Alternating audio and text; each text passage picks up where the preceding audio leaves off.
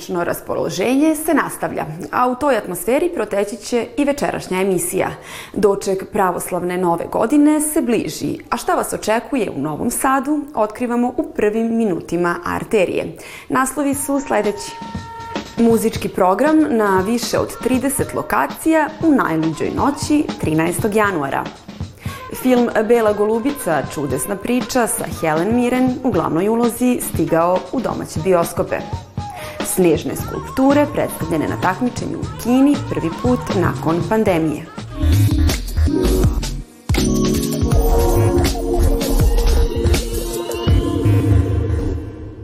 Na manifestaciji koja je tokom prethodnih šest godina postala nezaobilazan deo novogodišnjih praznika u Novom Sadu i narednog vikenda predstavit će se brojni umetnici sa kojima će novosađani dočekati pravoslavnu novu godinu. Ko će sve nastupiti na dočeku 13. januara, pitamo port parolku fondacije Novi Sad Evropska predstavnica kulture Milanu Milovanov. Dobrodošla u Arteriju. Hvala, bolje vas našla. Da li su karte već sad rasprodate i koje koncerte bi preporučila našim gledalcima?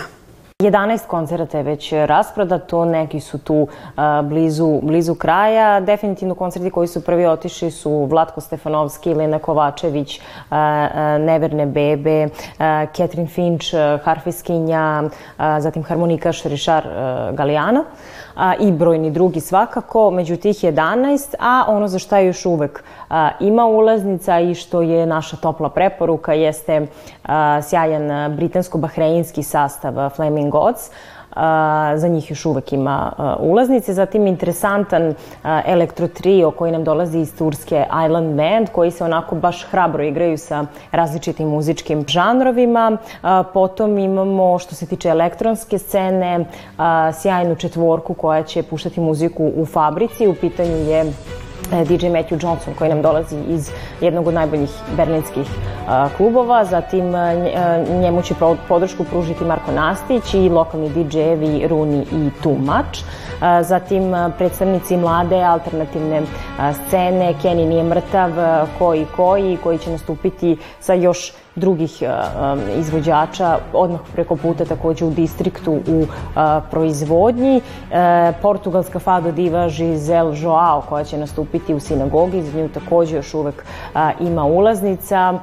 Kanda Kođa i Nebojša u sali Nisa, tako da ima još dovoljno za sve koji žele da budu deo ovog sedmog dočeka, ali topla preporuka je da požurite. Postoji li određen koncept po kom ste se vodili pri kreiranju samog programa i naravno odabira učesnika i umetnika? Doček ostaje dosledan tom nekoj prvobitnoj ideji na kojoj je i nastao pre šest godina a to je da zaista u jednoj večeri novosađani, ali i gosti grada e, imaju priliku da uživaju u najrazličitijim mogućim muzičkim žanrovima, u izvođačima koji dolaze iz različitih krajeva sveta, Evrope, naravno iz regiona i e, naravno domaći izvođači i da prosto svako pronađe nešto za sebe. Doček će ne samo kroz taj žanrovski deo, već i kroz same lokacije kada gledamo provesti, provesti posetioce kroz čitav grad. Dakle, tu su neke od najznačajnijih kulturnih ustanova, a, zatim mreža kulturnih stanica, kako u Novom Sadu, tako i u okolnim a, mestima. Dakle, a, sa te strane doček je zaista kao sam događaj vrlo specifičan, vrlo zahtevan za realizaciju. Doček 13. E, januara zaista uvek je poseban. Kakvi su utisci publike i posetilaca u prethodnih šest godina? Ja mislim da evo po ovome što sada vidimo kakva je situacija kada govorimo o ulaznicama i da su se neki koncerti zaista jako brzo rasprodali, mislim da su se i novosađeni, ali i turisti zaista navikli na taj doček 13. januara i prosto se sad već negde očekuje šta će to biti 13. gde će biti i mislim da je sad više je pitanje kako ćemo sve postići i da li možemo otići na više koncerata, nego da li će se desiti i kako će biti. Tako da mislim da je zaista postao brend grada ceo, dakle, s obzirom na to da je i 31. decembra povezano sve zajedno sa 13. januarom, mislim da je stvarno postao brend grada, da je publici to posebno interesantno zato što je nešto drugačije i nešto što se stvarno nije nikada do sada radilo na taj način i u tom kapacitetu.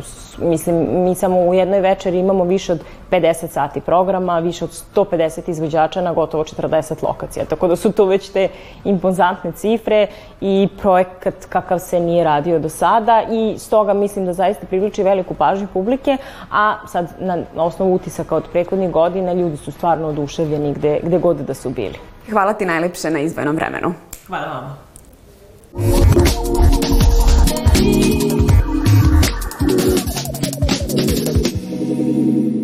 Little bug, little bug.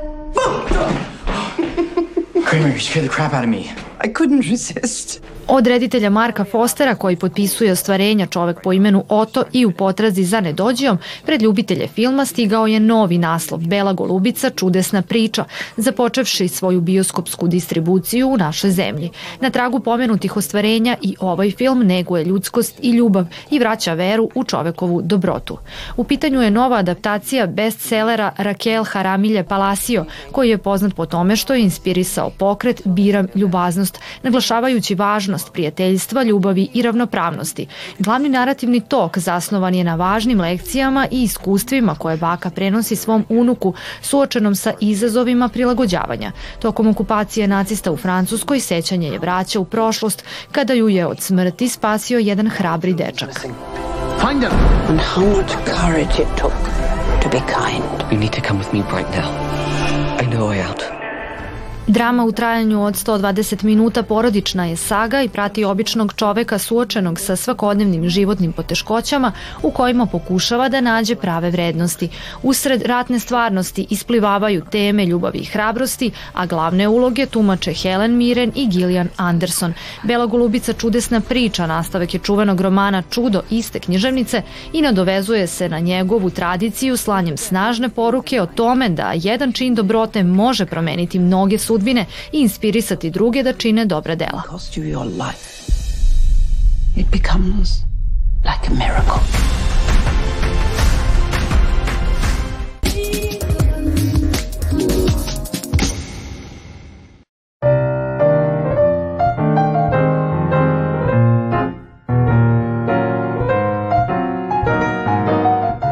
Sobi za prepuštanje umetnosti u Galeriji Matice Srpske. Počeli smo novi ciklus sobe za prepuštanje umetnosti. Tema čitave godine, zapravo 2024. godine, je ljubav, te neki način naslov, odnosno podnaslov sobe za prepuštanje umetnosti je Počnemo ljubav iz početka, inspirisano poznatom numerom Beti Đorđević i neki način nastavili smo da kroz sobu za prepuštanje, dakle jedan multimedijalni prostor koji je obogaćen ne samo vizualnim, nego i zvučnim i drugim senzornim datostima, da obogatimo jedno estetsko iskustvo umetnosti, neki način dosta neposrednije u nekom intimnom prostoru. Uh, ono što je svakako jeste interesantno da ljubav je tako reći sve prisutna, a teško je uvijek definisati, tako da smo neki način nastavili da ovu godinu i posvetimo upravo ljubavi i tako reći januar kao mesec praznika, okupljanja, da posvetimo jednoj od tako reći tipičnih oblika ljubavi, to je porodična ljubav, tako da i za nas u krajem decembra i u januaru mesecu možete da vidite grafiku Ankice Oprešnik, porodica u gradu iz 1956. godine, koja na neki način na zanimljiv modernistički način pokušava da interpretira i da predoči tome šta porodica i šta ljubav u kontekstu porodice može da bude i treba da bude.